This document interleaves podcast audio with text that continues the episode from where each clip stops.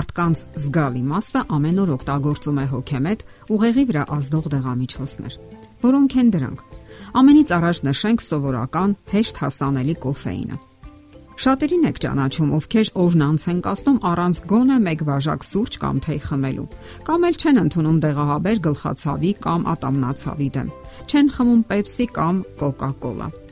Ժամանակակից կյանքը հագեցած է սթրեսներով, ունայնությամբ, հոգեբանական խնդիրներով։ Դրանով է աչքի ընկնում հատկապես մեր քաղաքների կյանքը, որտեղ մարդը ստիպված է իր հաստատուն տեղը գտնել։ Շատերն այն կարծիքին են, որ ժամանակ առ ժամանակ հարկավոր է թարմանալ, եւ ընդ որում կոֆեինը թմրանյութ չէ եւ հակում չի առաջացնում։ Եթե մարդուն զրկեն այն նյութերից, որոնց նա ընտելացել է, նրա մոտ կդիտվեն ֆիզիկական եւ հոգեկան բնորոշ երևույթներ։ Այս իմաստով անգամ կոֆեինի ոչ մեծ բաժինները կանոնավոր կերպով օգտագործելը սովորաբար մարդուն ընտելացնում է դրան։ Դա ստուգելու լավագույն միջոցը կոֆեինը ցանկացած ձևով մի քանի օրով չօգտագործելն է։ Առաջացած հակման առավել բնորոշ ախտանիշը կլինի գլխացավը, թեթև ցավից մինչև պայթելու աստիճան։ Երբեմն կարող է սկսվել նույնիսկ միգրեն։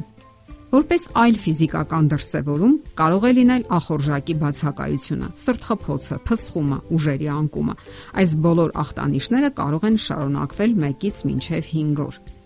Բուրըն հակում առաջացնող նյութերի օգտագործումը դադարեցնելու հոգեկան դրսևորումները ավելի ծանր ընթացք են ունենում։ Կարող է նույնիսկ ընկճվածություն առաջանալ։ Օրվա ընթացքում կոֆեինի օգնությամբ խթանվելու ընտելացած մարդու վիճակը այս դեպքում կարելի է համեմատել ծխողի դեպի ծխախոտն ունեցած ձգողական ուժի հետ։ Դժվար է դիմադրել եւ ամեն ինչ նորից չսկսել։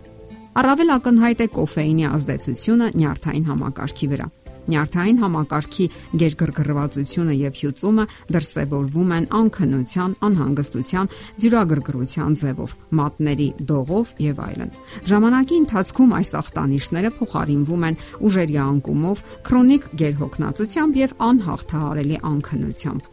կոֆեին պարունակող ըմպելիքները գրգռում են ստամոքսը։ Հիմնականում դա կապված է նրանց բաղադրության մեջ մտնող քիմիական նյութերի, համային հավելումների եւ յուղերի հետ։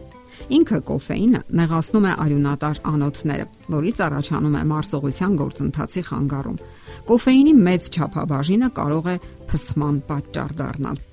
Կոֆեին պարունակող ըմպելիքները առաջացնում են թթու ստամոքսահյութի արտադրություն, որը նպաստում է ստամոքսի 12 մատնյա աղուխոցերի եւ այլ հիվանդությունների առաջացմանը։ Նաև հաստատված է, որ կոֆեինը խախտում է կալցիումի եւ երկաթի յուրացման ընթացքը։ Այսօրվա պայմաններում, երբ տարածված են այնպիսի հիվանդություններ, ինչպիսիք են օստեոպորոզը եւ անեմիան, դա հատկապես անհրաժեշտ է հաշվի առնել։ Կոֆեինը բերում է արյան մեջ շաքարի մակարդակի բարձրացման, որն էլ իր հերթին ուղեղի վրա խթանիչ ներգործություն է թողնում, ստեղծելով էներգիայի ներհոսք։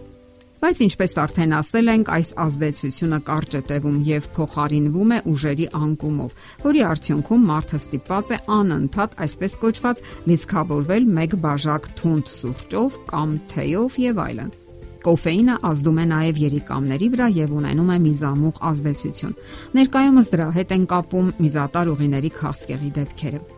Բացի այդ մեծ քանակությամբ կոֆեին օգտագործելը հղիության շրջանում կարող է առաջացնել ծննդաբերության նորմալ ընթացքի խանգարումներ եւ կարող է բացասաբար անդրադառնալ պտղի վրա։